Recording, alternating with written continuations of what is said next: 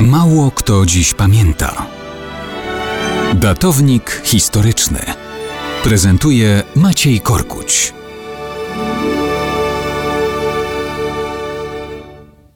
Wczoraj opowiadaliśmy o szwedzkiej królowej Krystynie Wazównie.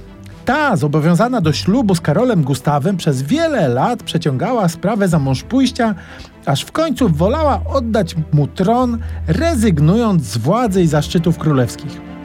Po jej abdykacji Karol Gustaw tron rzeczywiście objął i zaraz potem zrobił Rzeczpospolitej szwedzki potop. Mało kto dziś jednak pamięta, że historia ta była w sposób dość swobodny zresztą, zekranizowana już w roku 1933.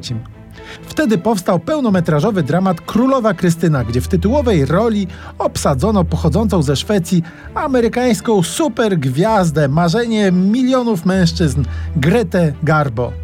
Zrobiono z tego historię miłosną, w której Karola Gustawa zagrał brytyjski aktor Reginald Owen. Jest więc zobowiązanie do ślubu i opór Krystyny przed presją, ale jest i jej płomienny romans z gorąco krwistym posłem Królestwa Hiszpanii o imieniu Antonio. Kochankowie chcą się pobrać i to nie konwersja królowej na katolicyzm powoduje bunt protestanckich możnych, ale niechęć do perspektywy objęcia tronu przez iberyjskiego przybysza. Stąd była abdykacja królowej, przekazanie tronu Karolowi Gustawowi i finał filmu, w którym ranny w pojedynku hiszpański kochanek umiera w ramionach byłej już władczyni. Taki to był fragment historii Szwecji w wydaniu hollywoodzkim.